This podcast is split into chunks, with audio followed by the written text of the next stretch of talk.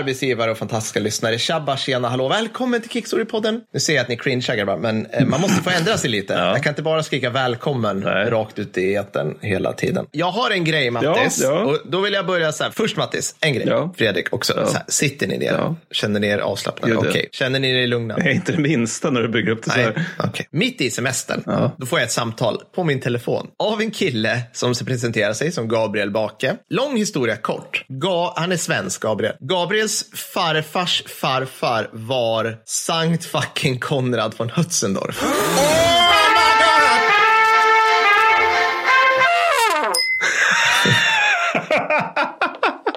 Oj, oj, oj, oj, oj. Vad tycker han om vår framställan om Sankt Konrad? Fantastiskt! Mycket bra, Alltså, mycket bra. Ja, ja, ja. Alltså, Gud vad roligt. Det här är fantastiskt kul. Så Gabriel ringde mig och vi hade en långt samtal om, om Konrad såklart. liksom. Och alltså Gabriel, så här, det häftiga med honom, det är att liksom hans, hans alltså jag, jag blev helt så här, jag bara, hur kan han ha en koppling till Sverige? Ja. Liksom. Gabriel är göteborgare, men då är det som, tydligen som så att Konrad, den underbara, Ja, helgonet. han hade fyra söner. Två överlevde första världskriget. Korrekt. Ervin och någon annan, nu har jag tappat namnet. Ervin gifte sig med Gabriels gammelfarmor. Pappas farmor, Greta Bake. Och det här var så här, alltså det här är typ rik svensk överklass i Göteborg på tidigt 1900-tal. Tänk det, som Gabriel kommer ifrån. Nu, ja, så är det bara. Greta hade då i sitt tidigare äktenskap två barn som var Gabriels farfar Nils och hans syster Gudrun. Hur som haver så är då Gabriels, liksom, Gabriels farfar blev som Ervins son för att det blev liksom Ja, han var tillsammans med hans mamma under hela livet och det blev som hans faktiska far. Så att de, de har ju liksom ärvt saker och ting. Coolt. Men jag blev så jag bara, men vad gjorde Ervin? Så här, frågade jag Gabriel. Alltså, hur är det att vara son till, till Konrad? Ja. Konrad dog ju 27. Ja. Så att den, och den här Ervin då, han, han blev liksom, in, han var liksom typ svarta fåret i familjen. Jag vet inte om ni är intresserade av det, men nu kör jag Jag är sjukt intresserad. Ja, E- Ervin, Ervin blev liksom svarta fåret i det här för att han då gifte sig med en frånskild svenska. Just Den här äh, Greta bakom. Ja. Han började typ så här, ja men de hade det rätt bra under 20-talet, bodde i Wien. Ervin så här, äh, började med bilar för det var hett liksom. Och vad hände i Wien sen då? Då kom Anschluss 1938. Och sen var det bara, här Ervin, ta på dig uniformen. Och sen var det liksom, ja, okänd soldatstil liksom. Så man vet inte så mycket. Han, han gjorde ju som alla andra. Och då, var- åkte, han, åkte han iväg i kriget alltså? Eller vad? Jajamensan. Okej, ja. Han var redan i Polen 39 och Jaha, sen ja. vidare in i Sovjet. Alltså man vet inte. Som alla, eller som de flesta tror jag, så pratar han inte så mycket om men krigsupplevelserna. han överlevde kriget med Han överlevde, absolut. Okej, ja, mm. Men han fick typ ta sig tillbaka genom att gå hem. Alltså det är den här gud. klassiska men, men det, här, det här är så typiskt Centraleuropa, att man går från Konrad, vilket är glädje, och Mm. sen så går man till hans son, vilket är mer omedelbart blir avgrundsdjupt mörker. Verkligen, ja, så är det. Och Eg jo, så hette han nog. Egon, hans bror. Ervin Mm. hade en bror som hette Egon. Han drog till Brasilien. Och det på 20, redan tidigt på 20-talet. Och det tyckte Konrad var a-okay. Det var, det var Jaha. Fantastiskt. Så att han fick ärva allt skit. Alltså all, allt, all så här Konrad-memorabilia som vi skulle bara vilja lägga beslag på och starta ett museum i Sverige. Mm. Alltså typ tänk er pennan han skrev alla kärleksbrev med eller något sånt där. Det åkte, det, det åkte till Brasilien och sen när Konrad, nej nu ska vi se, inte ens när Egon dog någon gång på 60-talet måste det ha varit, eller 50-talet. Då sa den brasilianska familjen så här, vad fan ska vi med det här att göra? Och då skänkte de allting till österrikiska staten helt Ah, enkelt. för, för jag vill minnas att han också testamenterade ganska mycket till något av sina barnbarn. Jag har för mig att det faktiskt var Er- Ervins barnbarn. Att det, det var... Var det, ah, Eller om det okej, var, jag tror att det var nå- något av barnbarnen som han hade en väldigt god relation till Konrad. Alltså att han, han blev en bra farfar till skillnad från fältherre. Men, men det kan å andra sidan vara någonting jag har läst i bok och som inte stämmer. Kan vara så. Det är inget som jag vet. Ja. Kan det inte ha varit något barn till, kan hans, kan det vara någon av sönerna som stupade, någon av deras barn? Nej, nej, det är någon av de överlevande. Jag får för mig att det är Ervin, men, men jag är lite, lite osäker. Det, Ja. Mm. det, det, det, sägs i Stora Konrad-podden, så att, eh, jag borde komma ihåg det. Men det var ett tag sedan vi spelade in den. Ja, Jag vet inte, ja, ja hur som helst. Ja, nej men precis. Så att vad hände sen? Sen kom då, sen efter kriget så kom då ockupationsmakterna och så sa de så här, hej då, alltså så här, du, du, slutar nu att vara het skit, alltså det vill säga Konrads barn, som var en grej grej. Alltså de levde, de, det verkar som att, om jag fattar det rätt, som att de levde liksom bekväm högborgerligt liv i typ Wien. Liksom. Men tillvaron blev ganska knaper under 50-talet och då så till slut så hamnade, så liksom emig, jag tror de emigrerade, jag vet faktiskt inte när Egon, eller vad säger jag, när Erwin dog. Hur som helst, de, de drog tillbaka till, jag tror de var, levde i Sverige, i Göteborg. Ja, precis. Nu läser jag till här, så nu får ni ursäkta mig. Men hur som helst, fatta att vi har en svensk koppling till Konrad. Ja, ja, Alltså, alltså, jag fattar inte varför, varför Gabriel inte byter efternamn helt enkelt. Det- det- Gör det han det inte så kommer jag rösta på honom som ÖB. ja, ja. Förstå glädjen på regementena. Ja, Konrad men till alla. alltså, givet, det kan ju inte vara liksom. Så att, men de har ju, och det där var ju en grej också då, att de hette ju, de hette, om det kan ju finnas, nej det finns ju inga i Österrike nu, Hötzendorf. Alltså de har ju fått skippa von. Mm. Just det. Eller Mm. von. Så det är ju det är en evig tragedi skulle jag vilja säga. Ja, ja, som tycker att faktiskt- svenska ja. staten borde bara kunna dra upp baket i Riddarhuset och bara, nu är du von Hötzendorf igen. Precis, precis. Så allt det här är väldigt roligt. Det var ju milt sagt ärorika nyheter. Alltså.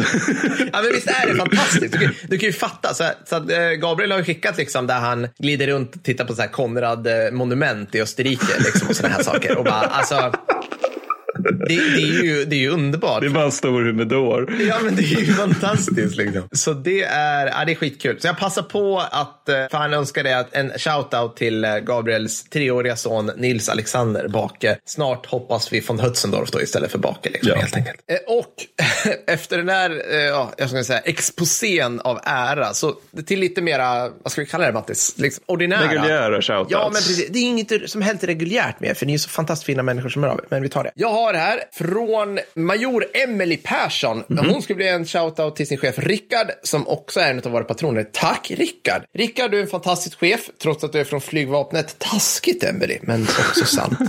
Eh, du har en vansinnig humor, besitter otroligt mycket kunskap och en sprudlande intellekt. Föredöme på alla vis. Du, eh, jag har blivit lite färgad och lite klokare varenda dag vi arbetar tillsammans. Jag tolkar det som, när du skriver så här Emily, att Rickard nu ska lämna er för att åka tillbaka vart ni nu är. Ni är ju i New York, så är det. Häftigt. Måste lämna New York för att återgå till humorkuben, inom parentes högkvarteret. Men jag hoppas innerligen att jag får chansen att arbeta med dig i framtiden. Tack för allt. Ja, fint. Yes, då är det min tur då. Mm. Jag ska, då är det en Helmer Ringdal Wik som vill ge en shoutout till Pelle. Som han, alltså Helmer då, har Mm. överty- citat, övertygat om att gå med i kulten. Styrkan som kommer ta över världen. Med det tror jag han avser våra patreons. Att de, de har anvisat sig själva som sådana. Men ja, eh, så tack så mycket båda två. Coolt. Ja, men så. Och sen har vi en shoutout från Ludvig Kempe som säger så här. Hej Kickstory-podden. Har precis slutat klart på ett avsnitt om svenska frivilliga under första världskriget tillsammans med min 94-åriga morfar. Åh jävlar, ja. Ja,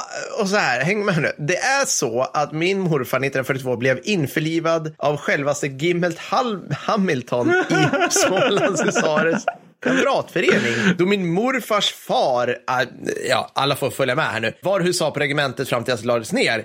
Grymt! Jag hade blivit jätteglad om du bara ville göra en hälsning i någon av era avsnitt till min kära morfar Bertil. Bra jobbat Bertil! Snyggt jobbat! Alltså, eh, vi har ju sagt att vi ska dra ner på mängden shoutouts, men alla 94-åringar som har tjänstgjort med Gilbert Hamilton Ja. får givetvis en shoutout. Det känns väldigt rimligt. Utan tvekan.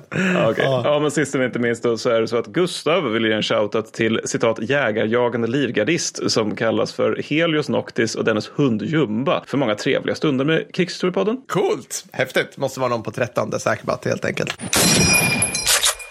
Och vad, Mattis Bergvall Ja, och Fredrik Hagelin ska det här fantastiska avsnittet handla om? ja alltså det här är ju, kallas, ju- kallar vi då för Revenant-krigen. Och vad är Ja. problemet med det här, Fred? Kan vi, kan vi bara få höra en stönande Leonardo DiCaprio här nu? Skulle jag, så att vi får in liksom rätt känsla. Det här liksom, för det är det han gör hela filmen.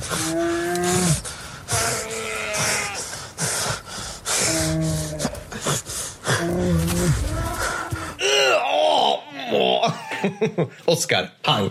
Och när, när skedde den här incidenten med glas? Ja, men det ska jag berätta. Så att han heter då Hugh Glass, baseras på en roman som heter The Revenant, som handlar om Hugh Glass. Utspelas 1823. Yes. Och det är ju det att det, vi, vi, det här är liksom en period som vi mer tycker att vi har en skön känsla av, snarare att vi kan jättemycket om det. Att vi kallar ju Revenant-krigen eftersom just det här, vi har det, det är den här liksom estetiken av att alla Mm. drar runt i hudar och att liksom det, USA är inte ens civiliserat än. Nej. Men det vi ska prata om är inte tidiga 1800-talet utan vi ska, i alla fall jag ska framförallt prata om perioden typ 1600 till 1775, det vill säga Mm. alltså krigen i Nordamerika innan USAs enande. Det kommer Mm. vara lite utsvävningar efter också, men alltså just det här, alltså det här när, när det liksom, det finns ingenting här. Eller det finns massa skog och sen finns det naturligtvis en urbefolkning och så vidare, men det, det är liksom inte, det är inte så att New York är dagens New York riktigt, utan Nej. det är mer, det är liksom en pöl som det står några hyddor i. Alltså det är de krigen. Halva Manhattan är ett kärr. Liksom. Ja, ja, ja Det visst, absolut, mm. absolut, med malaria. Och det här är liksom det som på engelska kallas för colonial wars. Ja. Och det låter ju liksom som snarare termen för vad britter och fransmän roades med under, i Afrika under Ja. det sena 1800-talet. Men det är inte det, utan det här är liksom alltså inte kolonialkrig så som vi säger, tänker när vi säger kolonialkrig, utan krigen som utkämpas när vi amerikaner, kanadensare var kolonier. Alltså det är utifrån deras perspektiv som det är colonial wars. Då. Mm. Just det. Och exempel på krig som utkämpas med, på den här tiden, i, under den här eran, Mm. ah, i- på den här kontinenten. Allihop har jättespexiga namn. Ja. Och de heter Dummers War, Drottning Anns krig, Fransk-indianska kriget, Bäverkrigen och, vem kan glömma, Mik, Mik, nu ska vi se, Mika, Mi, nej det går inte ut det där, Mikak-kriget. Ja. ja, en klassisk konflikt som säkert ledde till allt möjligt. Och, och bara när man säger så här enskilda namn så här, då får man känslan av skalan. Ja, på här, vi befinner oss här tidig medeltidsstorlek på liksom stridande förband. Ja, det är som att det finns, det finns något korståg som heter typ så här Biskop Hennings korståg. Ja, det, det ska vi prata om någon dag. Biskop Henning, hans tre söner, Ja. sju polare och... Men jag är lite sugen på en podd som heter Svensk medeltid, de lulliga bitarna. Och där Mm. platsar det nog, för det har förstått som att det var lite påvert. Men var, varför är det här då spexigt? Jo, på grund av att det du var inne på, att det är så gränslöst påvert. ja, fruktansvärt liksom. Ja. Så ska jag bara komma loss liksom och prata med förutsättningar? Ja, men först ska jag bara säga, alltså, så här, om du inte har sett så här, lyssnare Revenant så se det. För att alltså, jag tror att mycket, när du kanske tycker så här, "Ah, men bra, det här utspelas ju liksom 60-70 år efter. Svallvågorna från det vi pratar om liksom räcker långt in på 1800-talet. Ja, ja. Nej, men och, även liksom, om man tar, tar just Revenant som exempel, då är det ju liksom avsevärt mer uppbyggt vid kusterna. Mm, Men det är just att så, så fort man kommer in liksom i den här interior, liksom Mm. det USA, eller eh, Nordamerikas inre, det, det är liksom en ganska lång tid där det just är det här gränslandet Mm. där, där det är liksom, men alla går omkring klädda i rävpälsar. alltså att det, det, det, Nej, men- Ja, men det är typ samma, alltså vapenteknologin, så här, sju, det, det, händer, händer ju någonting först vid liksom 1800-talets mitt. Alltså så här, i en fabrik i typ Storbritannien. Ja. Då uppfinner man någonting. Sen tar det ett par decennier liksom, innan den uppfinningen som hittar till din pälshandlarna. Pälsjägare i södra Visst. Kanada. Ja, Liksom, visst. så här. Nej, men precis. Nej, men det är för att det tar ju ändå, det tar ju ändå ganska lång tid med hela den här västliga expansionen. Mm. Och så, så länge man expanderar, så länge man är liksom i själva liksom bältet där man expanderar, då är det ganska påvert. Ja, verkligen. Nej, men så förutsättningarna Ja. för föra krig i Nordamerika Ja. 1600 till 1775, de är naturligtvis ungefär noll. Ja. Ingen är förvånad. Nej. För att det liksom, mycket av det här handlar ju om terrängen. Åh, oh, gud ja. Mm.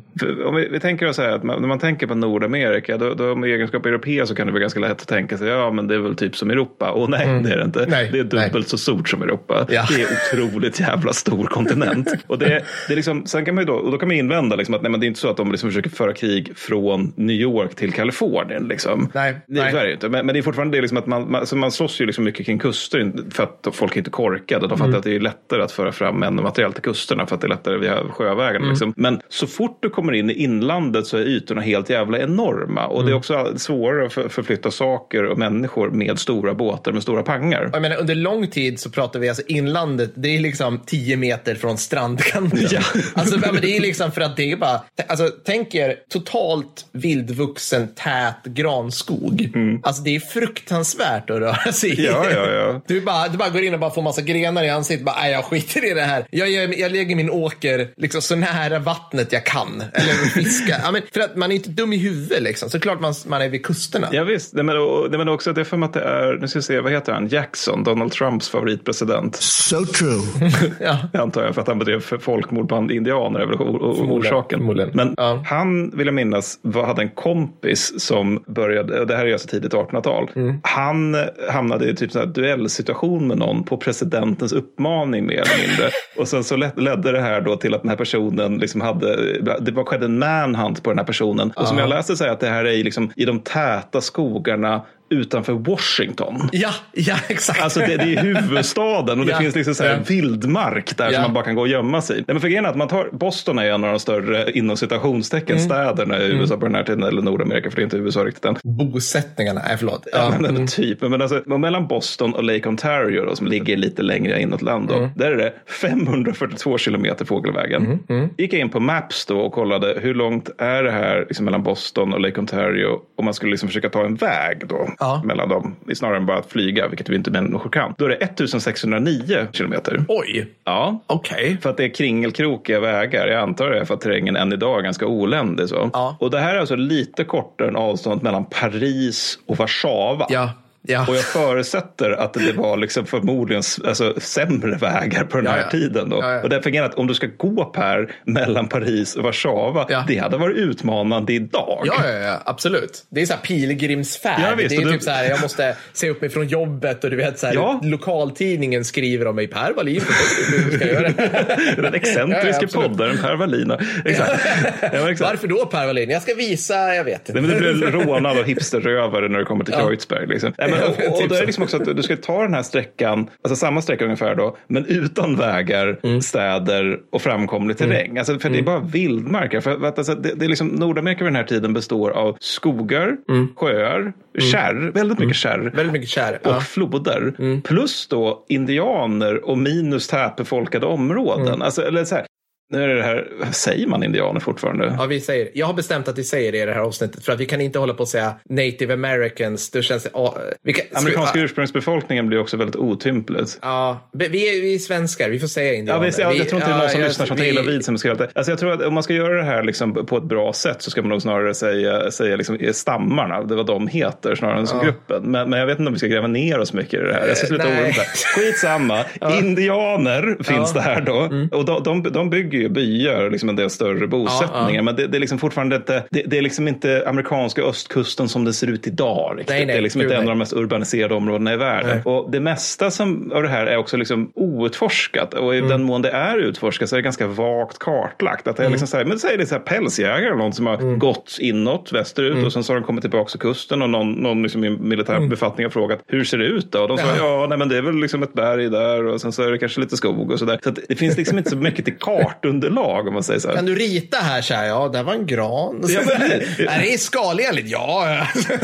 ja. Men och så finns det ju de här också som följer floder och ska faktiskt liksom rita kartor. Men Ja. det är ju inte liksom helt utbyggt vid, det här, vid den här tiden. Så det, är liksom, det är så pass stort och så pass oländigt att det ofta är svårt att ens hitta fienden. Ja, ja, precis. Och, och en not där liksom, som är kanske kopplad till överlevnad. Alltså vildmarken i USA på den här tiden är ju inte som kanske man har så en romantisk tanke, liksom så här into the wild-känslan. liksom att så här, jag går ut där och det finns harar och det finns, vet, jag kan ha ihjäl, ja, jag kan äta bär. Utan det är mer att likna vid en öken. Alltså så här, du måste ha med dig mat. Du kan inte fånga tillräckligt mycket kalorier för att du ska kunna överleva. Det finns en av de franska befälhavarna under den här tiden. Han dör i ett fort Ja. av skörbjugg. Förlåt. Men, ja, så en bristsjukdom helt enkelt. Det är sättet han dör och han Ja. är en av de rika i, det här, i Ja, den här storyn. Alltså det. Mm. folk dör av svält i de här skogarna. Liksom. Så det, det, det är liksom, vi har ju den här tanken att liksom, folk på den här tiden, det kan jag säga som mammas nya kille, folk på den här tiden var helt dumma i huvudet för de lyckades, det tog ett tag, framförallt britt, alla, både britterna och fransmännen som är de två liksom, stora kolonialmakterna vars krigerier vi ska prata om. Alltså det tog lång tid innan de bara, vi dör! Finns det några här som kan hjälpa oss eller? Och så bara, eh, Pocahontas där borta. Ja, liksom, motsvarande. Ja, men det där är intressant, för de var ju ofta beroende av olika stammar som skulle, Oh ja, för att oh ja. få, få liksom no, mat överhuvudtaget. Alltså just, vi kommer komma lite grann till det där, men just detta med, det, jag tror man ska tänka bort den här tanken som man nog lätt har, att det är liksom, liksom rakt av ett krig mellan europeer och urbefolkning. Liksom. Alltså att det är någon, någon krock så, som för det finns ju just att det är ganska överlappande på något sätt. Ja. Mm. Men också, som du, du säger, att om man släpper ut en 1600-1700-talsmänniska i vildmarken i Nordamerika, Mm. då är det troligt att den personen antingen är bonde, Mm. så då vet han hur man håller på med en åker, och, eller också så är han borgare av något slag, och då vet man hur man agerar i en stad, man är en köpman, etc. etc, Mm. etc. Men ingen av de här kategorierna, alltså det är lite grann som vi pratade om Vietnamkriget, att det, liksom, det är ju det är som att det är när man släpper ut ungdomen från Hanoi i bergsdjungeln i Laos. Ja. Alltså, de har ju liksom ingen infödd förmåga att överleva där. Och detsamma gäller ju naturligtvis liksom, alltså, folk som är uppväxta i säg Boston på 1700-talet. Precis, exakt så. Eller liksom York, för jag menar du pratar ju om reguljära förband som skeppas över. Alltså, vad är det här? Liksom, kom från tättbefolkade England. liksom, så här, ja, precis. mitt under, liksom så här, starten på industriella revolutionen. Nej, men, ja, det, ja, det är helt sjukt. Men så, vi har en fransk dominans under den här tiden. Ja, det är härligt.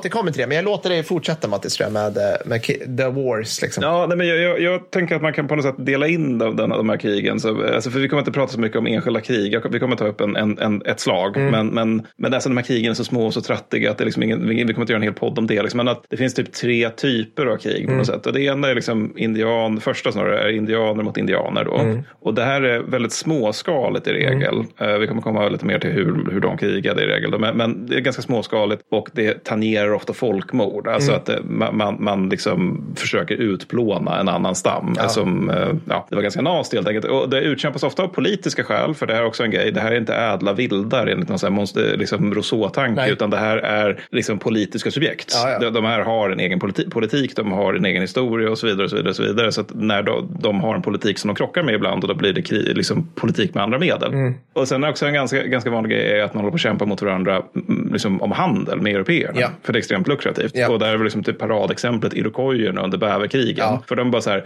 européerna kan inte sluta knarka bäverpälsar.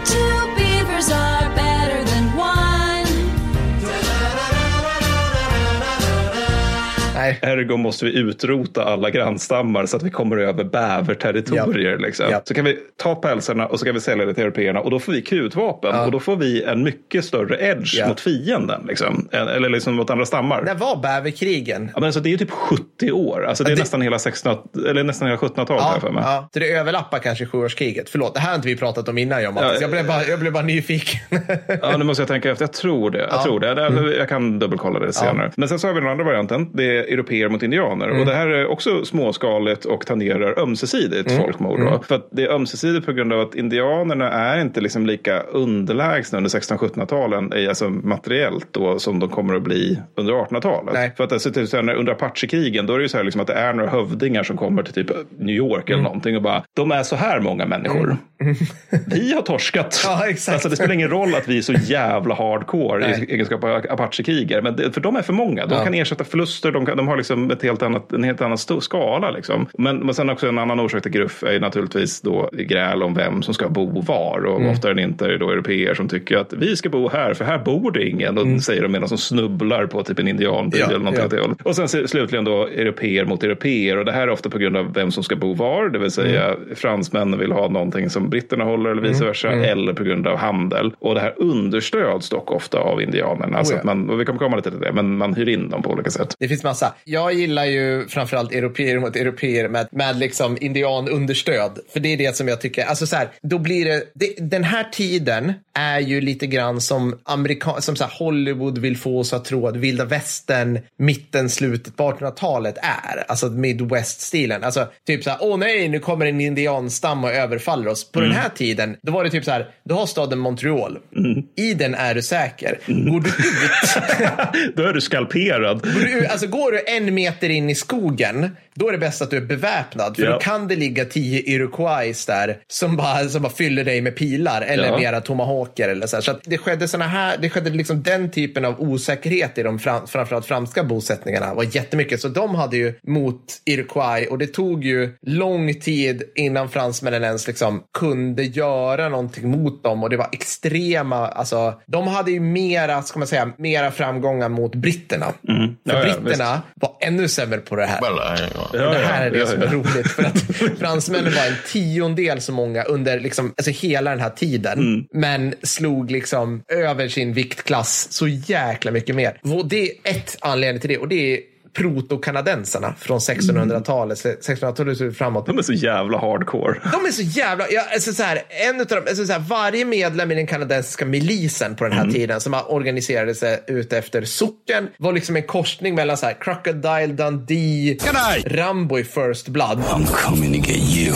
du vet, som så här repellerar ner för bergssidor, och Gunde Svan Ingenting är omöjligt. i sin forms dagar. Alltså, de, är- de är så här, de är såna, de är såna liksom utpräglade vildmarksmänniskor. Men det blir utbygdsjägare. Exakt, exakt. De är liksom ranger. Alltså, det är svårt. Så att det de upptäckte var, och det här är en cool grej som jag tror handlar om att alltså, av nödvändighet var de frans, franska kolonierna mycket mer självständiga än de brittiska. Eller f- koloni, ta så här, koloni, vi säger kolonier med en nypa salt. För att det här är ju så här små bosättningar, det är byar vid den här tiden. Så här, Sen 1600 till tidigt 1700. Britterna, de finns på liksom fint längs östkusten i ett pärlband av bosättningar från liksom Mayflower och neråt till Boston och så här. Och de liksom är ju där med liksom Royal Navy i ryggen och kan liksom, det kan komma soldater dit enkelt. De kan liksom lämna lappar och säga så här, nu ska ni göra så här och, och liksom bosättarna, ja absolut. Och de håller på med jordbruk, alltså bomull, tobak och såna här grejer. Fransmännen, de liksom, de bara, nej men vi tar de här floderna in eh, här långt norr om britterna. Just det. Och så vi hamnar liksom i inlandet. Vad är det för grej här? Här är det päls. Two beavers are better than twice the fun.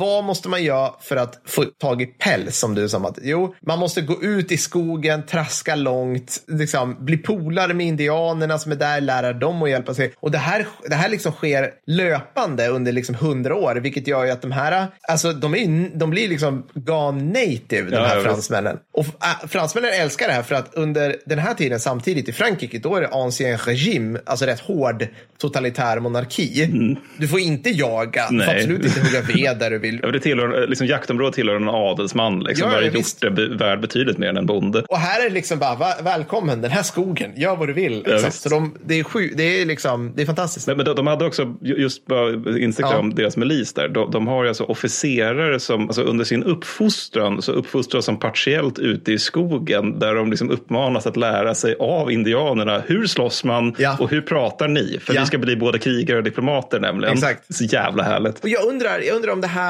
om det började då eller om det här är en del av en så här fransk militärkultur. För fransmännen har ju varit, alltså under hela, alltså fram till våra dagar så finns det ju liksom franska armén och franska väpnade styrkor. De anses ju vara kulturbärande på ett helt annat sätt, är min Yes. uppfattning. De är liksom fransmän. Men de är också extremt, de väljer också vara mycket närmare lokalbefolkningen än anglosaxerna, är min uppfattning. Så att det finns ju typ, jag tror det är i Chad, så finns det så här roliga grejer liksom att alla, i Chad är ju det här lilla pisslandet på Afrikas horn. Visst är det det? Nej, vänta, nej. Djibouti, förlåt. Chad är i Västafrika. Djibouti, det är ju ett eh, sånt där litet pluttland som existerar så att stormakter kan ha sina militärbaser där. Just det, just det. Mm. Vi behöver en örlogsbas, därför har vi det här landet. Exakt, så det är USA, eh, Kina finns där. Amerikanerna, de är i sin bas, bara i sin bas när de ska åka någonstans. Då sätter de sig i så här pansrade Humvees, åker ut, åker tillbaka. Ryssarna likadant, om de, nej, kineserna likadant. Fransmännen, de glider runt, sitter på kaféer Baguette. Stridspar. ah, du vet så här, det så här, äh, finns det någon bordell här i närheten? Så krögaren så här. Ja, men det, he- alltså så här, helt liksom, ja, eh, ja men så här frans, franskt Ja, liksom. visst. det finns, vem ska göra mig? Varför ska någon göra mig någonting? Det här är vildar och jag är fransman. Alltså det, Var, varje lunch är fyra vinare per man. Liksom. Absolut. Liksom. Så trygga att, är de. Min känsla är att det är samma sak. Att det antingen började det här under slutet på 1700-talet eller Mm. 1600-talet. För att det, det är liksom, du får franska officerare som föds i Kanada, Mm. åker till Frankrike, får en officersutbildning, åker tillbaka till Kanada Mm. Och pratar med liksom indianerna och lär sig hur man strider. Vilket gör att du får, de får sånt alltså ljusår militärt övertag mot britterna Mm. i 150 år drar jag till med efter det här. Liksom. 100 år kanske. Ja, men alltså för britterna, britterna hade ju också milis, men det var ju liksom mer så ett system för socialt umgänge där bara Mm. vissa ingår. Medan den kanadensiska milisen, där är ju så alla män är Ja. med här i Ja. vapenför ålder. och det är liksom, de drillas också konstant, vilket inte den brittiska milisen gör. För, för du nämnde det där med att de slår över sin vik, viktklass. Alltså, vet du hur många det bor i Kanada vid den här tiden? Ja, det är väl 70 pers beroende på om, om Bosse var där den dagen. Ja, men ungefär. Men Alltså, det, är 60, Ja, det- det är 60 000. Ja, det är det. I de, i, i de eh, brittiska kolonierna så är det 960 000. Ja, ja, precis. Och hur, hur kan det här någonsin vara liksom en jämn fight? Mm. Jo, för att den kanadensiska milisen är så jävla hardcore, Ja. vilket den amerikanska inte är, eller den brittiska inte är. Nej, precis. Så att, och, vad- okej, ba- ba- om vi tar det här nu då, så vad gör de rätt då? Alltså om vi tar det. Jo, man inser ju då Alltså det är ju obvious för oss att det är så här, det, det, vi kan inte kriga på europeiskt manér i, de här, i den här terrängen. Det går bara inte. Vi kan, det är sjukt svårt att bilda slaglinje i übertad granskog eller försörja förband större än kompanier över de mängder med så här sjöar, floder och berg som låg mellan alla bosättningar ever. Så ma, man börjar organisera sig snarare nästan, alltså typ så här fjärrspaningspatruller storleksmodell större.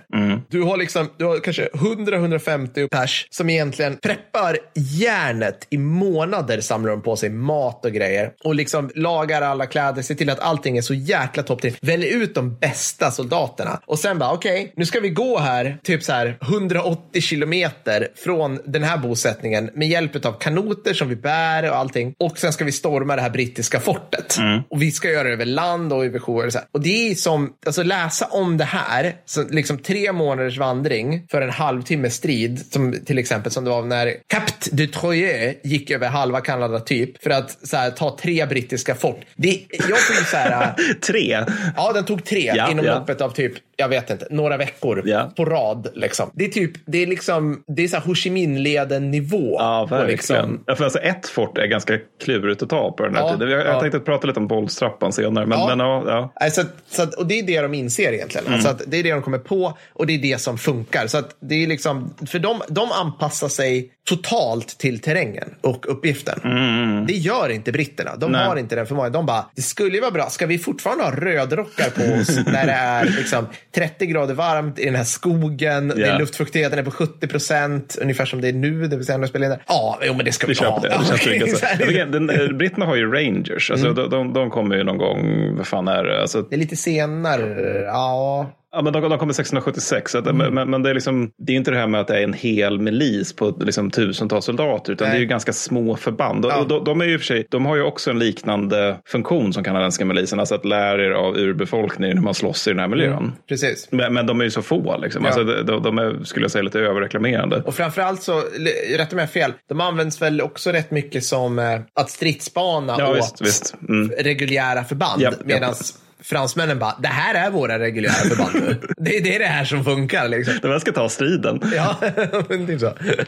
Ja, men, det, men, men, det är, men det är lite roligt för det finns så många som flora av olika typer av förband Mm. under de här krigen. För det har ju de vi har just vi snackat om. Men sen har vi också det här med de som heter provincials. Alltså, det vill säga det är lokalt rekryterade yrkessoldater. Mm, Och sen så har du även regulars som är europeiskt rekryterade Mm. yrkessoldater. Och sen så har du sånt här som Troupes de la, de la Marine som är liksom franska marinkåren Ja, som har liksom 800 till 1500 man i Nordamerika under 1683 till 1715. Det, det är för övrigt våra första Bush Marines, Mattis. Ja, det, det älskar jag att det var så här. det är liksom förmildade franska marininfanterister i Nordamerika under 1700-talet. Våra första Ja, Bush visst, Marines. självklart. Ja, självklart. Det är jävla ja, men vackert. absolut. liksom. Får jag höra Marseljäsen?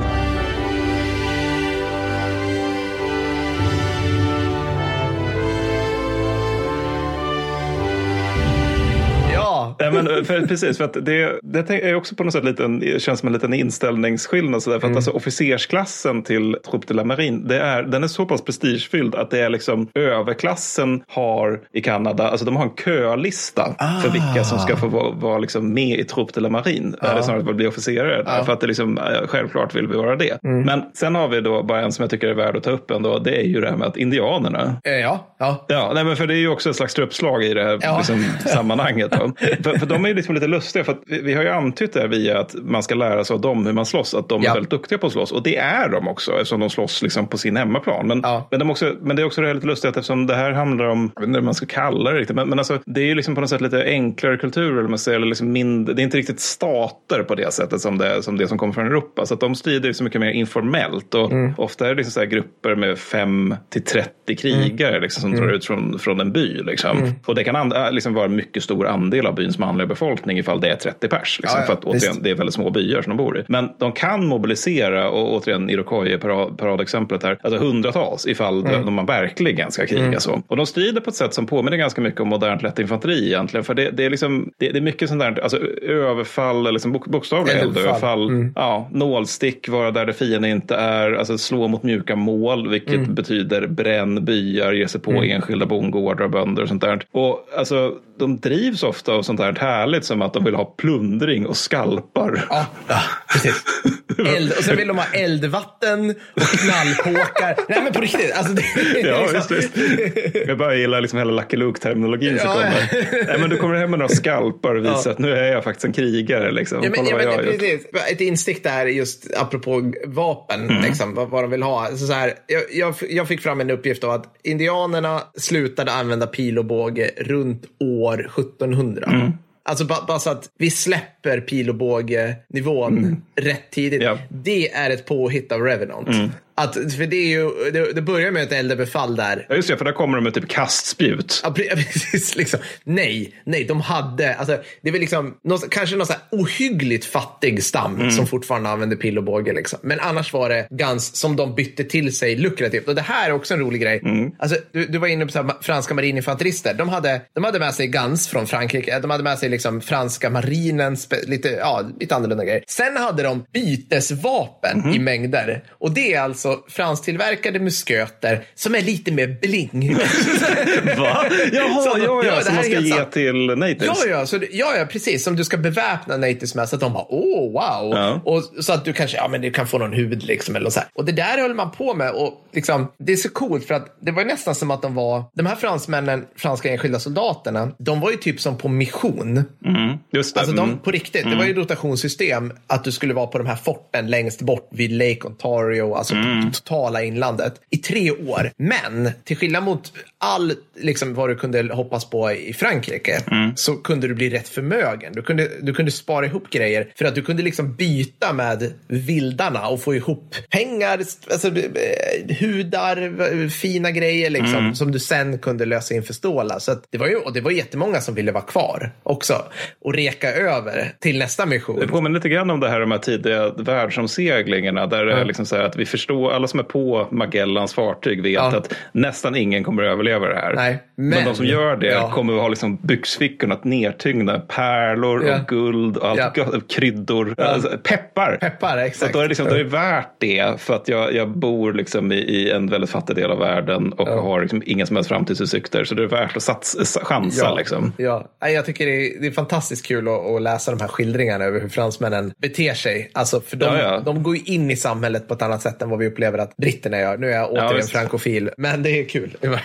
Det är kul. Men när det gäller just det här med att gå in i samhället, för att det är ju också en så fort, tydlig grej att kloka europeer alltså, anlitar indianer konsekvent Mm. Ja. som alltså, guider, spaningssoldater, men även linjesoldater. Alltså att man förstår att det här gerillakriget. Tolkar. Tolkar, absolut. Mm. Alltså, till och med, vi skulle kalla det också, vad fan heter det nu? Vad hette det i Afghanistan? Så här, cultural advisor. Ja, just det. Typ, Mm, skulle man kalla det också. Ja, men absolut. Nej, men precis. Det är exakt så. Men, men, men de är samtidigt ganska opolitliga. För just det här att de drivs av plundring och skalpar. Det gör ju liksom att man ibland inför ett slag kan bara, okej, jag har 600 indianer här. Jag har 400 trupp de, de, de marin. Bara, varför går indianerna så där? Ja, men för att vi har liksom utfört det vi uppfattade som Ja. vårt mål med det här fälttåget. Ja. För att vi återigen krigar på ett lite mer förmodernt Ja. sätt. Där man liksom inte håller på med det här, vi kör hela in i kaklet-grejen. Men, men och de också, det, det, återigen det här apropå Rousseau-tankar om ädla vildar, de är sjukt jävla brutala ofta också. Ja, ja. Helt. Ja, ja. Nej, men Sen det att tortera, tortera ihjäl krigsfångar och sånt där. Ja. Och Det, är inte, det är inte alla naturligtvis. Och européerna också svinbrutala. Men det är liksom här, Pavni, Cheyenne, Iroquois och Sioux med flera ser civila som fullt legitima mål. Och det här är Mm. Liksom oavsett om det är europeer eller andra indianer. Det är bara så, titta där, en treåring som är ute och leker. Mm. Legitimt militärt mål. Alltså, ja, jag vet inte. Men, men, men deras stora styrka är naturligtvis att de kan terrängen och de är uppväxta i den.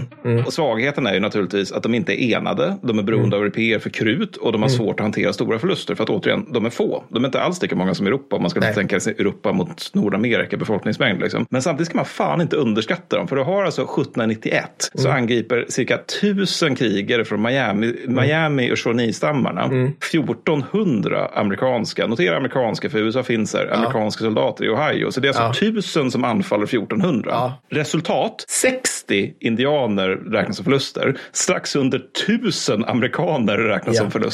Ja, det är helt sjukt. Det är, så underskatta inte dem under den här Nej. tiden, det är det jag försöker säga. Nej.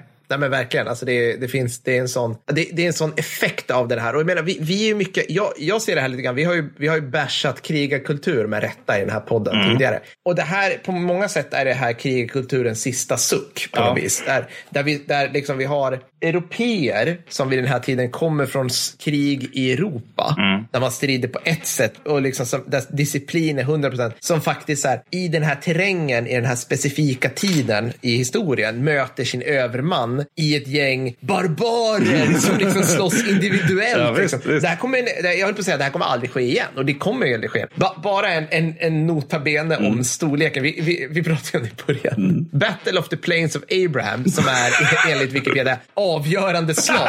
Fniss, mycket bra. Hashtag avgörande i något krig. Ja. Who the fuck cares? Ja, kanske French Indian. Den utkämpades med min, av mindre än 10 000 pers Ja. totalis. Ja. Det är alltså ungefär vad preussiska armén vid den här tiden kallade typ en, en ordinär skärmytsling. Ja, visst. Alltså det, det, det vill säga förlusterna i en skärmytsling. Ja, ja visst. Så här, det, det är inget att ta notis om Nej, när vi nej. pratar om europeiska krig. Men det här är så här massivt, Ja, liksom, massivt stort. Och som vi märker, alltså om man, om man går vidare, liksom, French Indian Wars, britterna har ett jävligt nice 1700-tal. De har ju sitt annus mirabilis mitten där vid 1756 där de bara ett gäng segrar Mm. som allting bygger upp det brittiska imperiet. Liksom. Om, vi, om vi säger så här, att förlu- förlusten av kolonierna, amerikanska revolutionskrigen där, är ju en mindre setback för britterna Ja, som ja. är liksom på on the roll. Titta, Indien. Permit me. Ja, men typ så. De, liksom, de lyckas ju mycket av det här för att de skeppade ut sina reguljära förband för att strida i kolonierna medan deras huvudmotståndare Fran- Frankrike koncentrerade sina trupper till, till just Frankrike. Ja. Big mistake, vilket gjorde att det inte funkar. Ja, men det handlar ju också om att britterna har ju en be- betydligt mer kapabel flotta än vad fransmännen gör. Så Ja. de kan ju inte förflytta folk på samma sätt, fransmännen, som britterna kan göra mellan. Europa och resten av världen. Precis. Vart vill jag komma med det här? Oklart. Jag vill bara säga att... Men jag tycker du ska få prata om Braddock nu, för jag vill basha britterna lite här nu. Kan vi inte bara lite snabbt prata om just det här med logistik och styrkeförhållanden? Bara så att vi får Pratat om logistik. Oh my god. Nej. Pinsamt. Ja. Ja, men sen ska vi lova att jag ska prata om Braddock. Logistik är lika med kanoter. Jag är ledsen Ja, att säga stor det del det här är det det. Nej, men, men, men, det, som det här är precis som alla andra krigsförhållanden, stridsförhållanden, så bestäms storleken för banden av logistiken. Ja, ja. Och i Nordamerika finns bortom kusterna inga städer att plundra, vilket är centralt för den här tidens arméer för att de ska kunna existera. Det som finns är vatten, trä och gräs till hästarna. Och här vill jag också på, komma ihåg att det är så att man ska helst inte liksom ge hästar bara gräs, alltså att man ska göra genom foder också. Jag kan ha missuppfattat det. Men... Ah, Någon hippolog får höra av sig och förklara hur det ligger till. Ja, men, men om inte, om inte annat så är liksom så att om du ska tvinga pollarna att beta, liksom, det kan ta liksom så här, alltså i det vilda är det tydligen så att en häst betar i 16 timmar per dygn. Och det här är ganska tidsödande ifall du liksom ska, Ja. ifall du har en kav- kavalleristyrka eller liksom bara officerarnas hästar. Makes sense nu när man tänker på det. Ja. Hästar är ju stora. är måste. Vad- Hur mycket kalorier kan det finnas för en häst i ett blad gräs? Ja, det liksom? ganska lite tror jag. Det, är så, så att det liksom, om du bara ska slippa ut hästarna för att beta, det, alltså, det kommer ju ta sitt lilla tid Ja, så, in, ja. innan man har fått den styrkan att bli mätt. Så att ergo för mat, ammunition och ersättningsmanskap och kanoner forslas in från kusterna. Just och det. ibland får liksom det här som sagt manskap och tung material forslas från Europa. Och därifrån kan det ta liksom två månader att korsa Atlanten plus då förseningar, PGA stormar. Mm, Ja, vilket innebär, det Ja. går liksom inte att förutsäga hur stor min styrka kommer att vara när det väl blir krig. För att allt kan hända däremellan. Liksom. Mm. Och män som ska långt eller tung material forslas som du sa då, via liksom, eh, småbåtar, batå som de kallas då av Mm. både britter och eh, fransmän. Och indianerna använder ganska ofta, eller snarare ibland, eh, kanoter då för att genomföra amfibieoperationer. Mm. Vilket är otroligt häftigt. Problemet är bara det här med att de här floderna, de kan ju liksom väldigt snabbt förvandlas till forsar och Mm. sen vattenfall. Eftersom återigen, man har en fucking dålig uppfattning om terrängen. Jag vill bara säga så här att tänk er den fransman. Ja, det är klart, för nu vi kan, vi kan, vad heter det? Vi kan ha sympati med fransmännen, inte indianerna som hade bott där och visste om det här hundra gånger tid, hundratusentals år tidigare. Men sympatisera med den första fransmannen som i en hud, i en kanot bara, jag hör någonting som låter här nere för floden. Vad fan kan det vara? Det är bäst vi kliver av, eller inte Jag kliver behöver av. inte ro längre för att Nej. åka framåt. Ja, men liksom, och så kliver han av och så går han fram en bit och så är han den första europeen som upptäcker Niagarafallet. Sacre bleu. För det är det Ah. de gjorde. Det är den floden Just- som leder ut. ja. ja. Jag, vill bara, jag vill bara, den naturupplevelsen måste vara så här, okej. Det jag undrar är om det verkligen var den första som upptäckte eller om det var den första som överlevde. Alltså,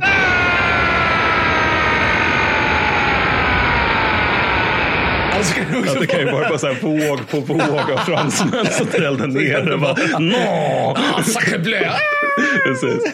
Ja, men, men och på grund av allt det här då så är numerärerna alltid små. Alltså styrkor över 3000 europeer är extremt ovanliga. Logistiken den stärks upp då av de här forten vi pratar om lite grann och som kontrollerar stora områden. Men problemet är ju att logistiken för att försörja forten är ju i sin tur väldigt begränsad. Ja, så besättningen där har sådär. Alltså det är så här, vid Oswego fanns ett fort som, alltså de tillbringade vintern 1755 till 1756 i ren svält för att det fanns liksom inga försörjningsleder att tala om. Exakt. Och där kan vi jämföra då i avsnitt 82 där vi pratade om romersk logistik. Där man försörjde folk i Tyskland med säd från Spanien. Vilket, ja. Ja. Det var ett episkt avsnitt måste jag säga. Det var det. Men så periodvis i det här fortet då, så lever manskapet på 200 gram bröd och 50 gram kött per man och dag. Och sen så krävs det hela våren för dem för att de ska återhämta sig. Liksom. Så att det jag försöker säga är att det här är väldigt dåliga logistiska förhållanden. Ja. Och det leder sånt där också att det är en slags våldstrappa där att om du har ett fort då slår det en musköt. Och musköten den slår i sin tur liksom pil och båge.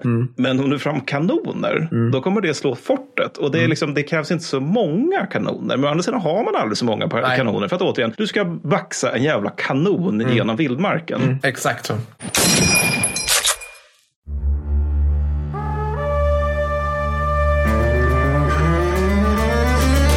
Så här är det underbara lyssnare. Just har jag varit i farten igen och inbjuder dig på ett forsrande äventyr med allt vad Vindbacken har att erbjuda. Eller ja, alltså på grund av någon smärre illdåd i ungdomen så får Gösta inte komma in i Nordamerika enligt lag. Men han har hittat på någonting annat. Så forsrandet kommer få ske i Svartån, strax söder om Skinnskatteberg. Jajamän. Och vildmarken, ja alltså ja, det finns ju en massa mygg där i varje fall, helt eh, klart. Mattis, eh, du sa att Gösta har berättat om en död grävling han hittade vid landsvägen som vi kunde titta på allihopa, va? Eller? Jajamän. Ja, där ser ni. Genuint leverne i natur och vildmark hägrar. Nu vill du prata Braddock då? Ja, jag vill prata Braddock. Alltså, eh, först en, en not om det här med forten också, som Mm. är lite spännande. Det är också kul på den här tiden, för att vi har ju fler, Mattis. Mm. Vi måste bara säga det. Du, du har nämnt europeer, du har nämnt liksom protomilis, kanadensare, alltså alla den här och så hela spannet bort till indianer som vi kallar dem. Men vi har ju också legoknektarna Ja, som är Hudson Bay Company, vilket är en kombination av Ostindiska kompaniet och Wagner Group. Och de är typ lika kompetenta som Wagner Group och har ungefär samma moral Vodka. Just som det. Alltså det, det, jag vill bara säga det, för det är oftast, not, alltså så att det blir rätt i podden också. Det är de som bemannar forten Mm. som i stor utsträckning fransmännen tar. Det är inte rödrockar. Nej, nej. Alltså det är inte brittiska reguljära förband. Jag vill bara Nej. ha det sagt. Ja. Hudson Bay Company, det är typ ett eget avsnitt någon gång. Det är väldigt Det är lätt att göra. Ja, men Braddock i varje fall. Det här är Mm. då också det är en fallstudie för, på varför det är bra att lära sig av urbefolkningen om man Ja. ska slåss där befolkningen bor och kommer ifrån. Det är då också känt som slaget med Monongahela 9 juli 1755.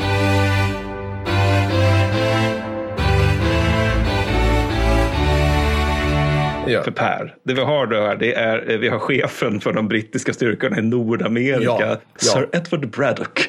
Som, han anför 2200 reguljära och, eh, soldater och 2000, och då, det här är även en del provincials. Då, så det är regulars och provincials. Då. Det här, det här måste bara säga, är, det är en general, en brittisk general, adlad, som för, alltså så här, han, han har samlat ihop trupper nu i månader för att samla en styrka som är typ Alltså så här, det är väl ungefär som Wellingtons kokgrupp Ungefär så, är ja. under, Ja. Alltså så här, Ja. under liksom Peninsula-korstågen under, under Napoleonkriget. Alltså det är pytte. We are the chosen few. Men det är väl så här lägre än preussiska förluster vid Leuten eller Ja, någonting. Alltså ja. det, och det var ju ett, en dunderseger för Ja, Preussen. ja. Nej, men, nej, men, nej, men precis. Och det är också att han är ju typ theater commander. Alltså, Ja, han är ju liksom chefen för alla brittiska styrkor. Ja. Det här är det vi kan, det här är den mäktiga styrkan, det vi kan skrapa ihop då. Ja. Och han tycker att det är sjukt fjantigt att rekrytera indianer varför han har hela åtta spejare. Det, det kommer säkert sluta väl. Mm. Ja. Och han, det, alltså det går ju också naturligtvis på grund av allt vi har pratat om innan då oerhört långsamt med framgångstempot. Ja. Då, för att, alltså, så att han bestämmer sig för att okej, men det, orsaken till att det går långsamt är att vi, vi har liksom en stor, en stor tross liksom, som vi Mm. har med oss allting. Då, all vår liksom, logistiska verksamhet egentligen. Så han delar upp sin styrka då dels i den tunga enheten som Mm. är liksom trossen. Och sen så är den lätta enheten vilket är 1400 man och 10 kanoner. Då. Mm. Och lätta styrkan framrycker i klarröda uniformer spelandes marschmusik. Ja, vilket ja. jag tänker är väldigt bra när man möter vad som i praktiken är utbryggsjägare. Då. All of you will be damned. Genom tät skog. Ja. ja.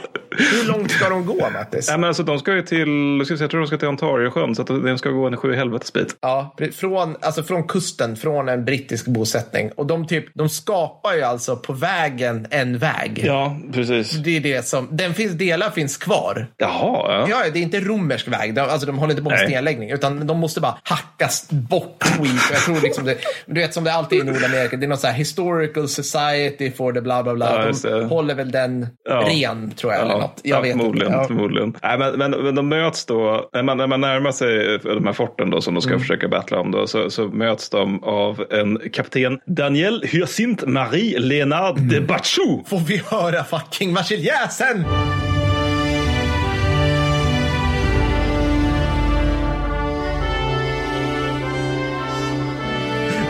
Det franskaste namn som någonsin har skapats. Ja, men, han har marscherat från Montreal, vilket är en bit, men vad fan. Ja. Så att, och han har ju då cirka 900 man, Ja. varav två tredjedelar indianer. Som Ja. är, och här har han varit smart, för att han, han bestämde sig för att okej, men som sagt, indianerna kan vara lite opolitliga. Liksom, Ja. sådär. Så att de får anföras för franska officerare. Återigen, franska officerare som kan deras språk. Jag vet. Visst är det vackert? Det är lite Österrike-Ungern där, Mattis. Jo, jo, det är det, precis. Fast fungerande. Ja.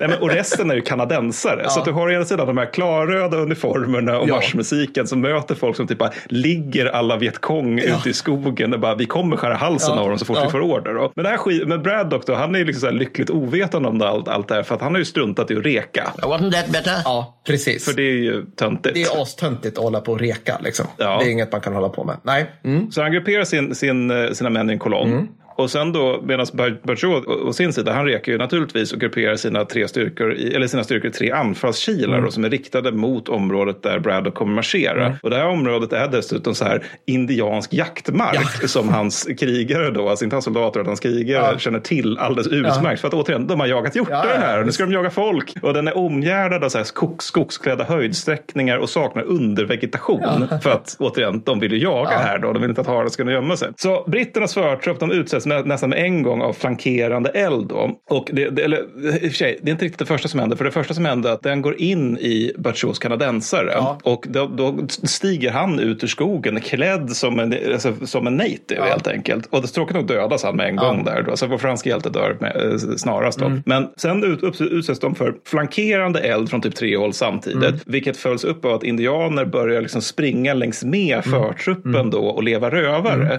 Och de här lider då 50-procentiga förluster och springer bakåt i panik. Ja. Här kolliderar förtruppen med den undsättningsstyrka som Braddock har skickat fram, vilket leder till oreda skulle man kunna säga. Hashtag oreda. Det skulle vi kunna kalla det.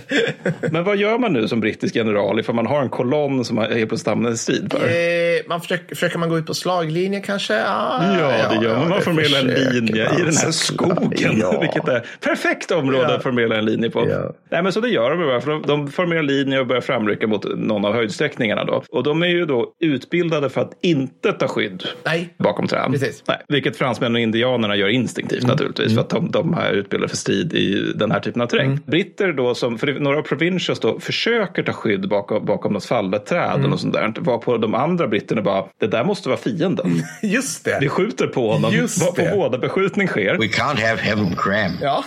Och sen, sen så kör man då det här långsamt marschtempo mot fienden Ja. på så gör vi på europeiska ängar, vilket ger indianerna tid att ladda om varför liksom, en ordnad massaker sker av den brittiska linjen. Ja. Men det här är dock bara en liten del av den brittiska styrkan. Ja. För de flesta håller sig tryckta på den här vägen som de börjar på. Just då, som det, du beskrev. just det. Och där, där är det som grejen att de vågar liksom inte riktigt gå därifrån. För att alltså, indianernas stridsrop leder till liksom ren panik. Mm. Vilket i sin tur leder till liksom väldigt mycket så här slumpskjutande ut i skogen. Mm. Som förmodligen inte var så effektiv eftersom den här tidens krutvapen saknade eh, förmåga och eh, liksom avstånd i grund och botten. Ja, och sen är det roligt om du ska liksom som en så här en paniskt rädd amerikansk marinkårssoldat i Vietnam, du vet bara tömma magasinet för att du tror att du har, då blir i den här tiden är det så här, ja ah, det är något där, pang, och sen bara Vänta grabbar, det ska, jag ska bara ladda om i två och en halv minut med min pipstake och min tändkrut. Och min, alltså, det är liksom inte så här, det är inte spray and pray. Nej, för det nej. är pang and pray. Ja, här, ja men precis. Och det var något, någon som överlevde det här, den här glädjen då som beskrev jag kan fortfarande höra indianernas skrik tydligt i mina öron och det fruktansvärda ljudet kommer hemsöka mig till min dödsdag. Slutcitat. Så det måste ha låtit jävligt obehagligt när de låg och skrek ute i bussen. Då. Och från och till så bestämmer man sig liksom från, på den här vägen där de är sammanpressade då att nu måste vi formera en ny linje och den ska ut i skogen. För att så gör vi i Europa. Ja, ja. Och sen blir den linjen sönderskjuten Ja. från alla håll samtidigt. Och efter två timmar av det här så har britterna helt enkelt slut på ammunition. Och det mesta av dem har ju mest skjutit ut i skogen Mm. sådär utan att göra någon åverkan på fienden. Så att man, man flyr i panik. Mm. Fransmännen kanske tappar kanske 50. eh, Britterna tappar upp mot 800, Mm. vilket är fler om man säger så. Och förföljelsen sinkas framförallt av att indianerna vill stanna och skalpera Mm. Dödade och sårade britter. Vilket gör att fler britter överlever än vad som hade hänt ifall man bara hade liksom förföljt och förintat den här Mm. styrkan. Men det är fortfarande katastrofala förluster naturligtvis. Och Brad- Braddock han dör av sina skador några dagar efter slaget. Då. Hans sista ord är vi kommer veta hur vi ska hantera dem nästa gång. Så jävla bra. Vilket är rätt. Nej, så ska det, tar, det tar kanske hundra år till. Sen... Ja, sen så. Ja, precis. Nej, men exakt. Och just den taktiken, den här, det är inte riktigt gerillakrigstaktik, utan det, det är mer, men som du var inne på, så här, lätt infanteri. Ja, lätt infanteri, det vi skulle kalla, det vi skulle bete oss idag. Alltså det är omfattningar och det är så här, nyttjande av terräng och sådana saker, nyttjande av skydd och skydd. Det är det vi, det, det, det, håller ju för evigt egentligen. Liksom. Ja, det är det. Alltså intelligent krigföring någonstans. Ja, på något vis, är de liksom. starka där, låt oss inte anfalla där. Nej, exakt. liksom, låt oss anfalla någonstans där de är svaga. Ja, Nej, jag tycker det är fantastiskt. Alltså jag älskar den här perioden, det som vi har nu döpt till Revenant-krigen, vilket gör, i och med att historiker inte är en skyddad titel så heter det nu det, eh, ungefär de här runda hundra åren. Och liksom, jag tycker så här, eh, min take är nästan att lika ointressant som amerikanska inbördeskriget är, usch, desto lika intressant är de här hundra åren som leder upp till det kriget, tycker jag. Alltså så här, French Indian Wars och framåt och lite, lite revolutionskrig, så det ska vi prata mer om. Men det ska vi inte prata mer om nu. Nej. Vad ska vi prata mer om? Eller du, vi har glömt lärt mig sen sist. Ja. Say what? Vad du har lärt dig sen sist. Jag börjar. Visste du Mattis att italienarna hade kosackförband under sig under VK2 Nej. som de rekryterade direkt som var så anti-Stalin att de följde med tillbaka till Italien och liksom på lite oklara sätt hängde med i Italiens kapitulation 43 och liksom fortsatte slåss på både Max allierade och axelmakterna. Alltså det, det, det är en sån Det, det har jag aldrig hört talas om. rysktalande kosacker i tyska eller italienska uniformer Ja. Som opererar i norra Italien. Jag Ja, tycker det är, det, är, det är väldigt spexigt. Det är väldigt hipster. det är väldigt hipster. Tack Lenning för tipset om det. Ja, det lät, det lät väldigt mycket som glädning. Ja, det var det verkligen. Det är en gammal kollega till oss Ja. för de som inte vet. Ytterligare en som har gone, gone rogue. Ja.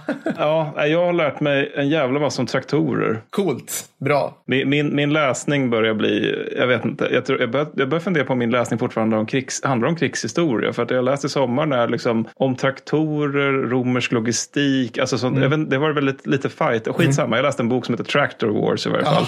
Som handlade om kamp, det låter ju som Ukraina, men, Ja. men snarare så handlar det om kampen mellan Ford, John Deere och några som jag har för mig heter Continental, eller Continental Tractors eh, Farming eller sånt där, Som de kämpade storslaget med, alltså typ 1900-1920 där någonstans för att göra traktorer. Okej. Och det, det, har jag fått, ja, det har jag fått lära mig. Och det här är framförallt egentligen sånt där som att det tydligen fanns ångdrivna traktorer. Vilket ofta ledde till explosioner och bränder Ja. i extremt torr miljö. Ja.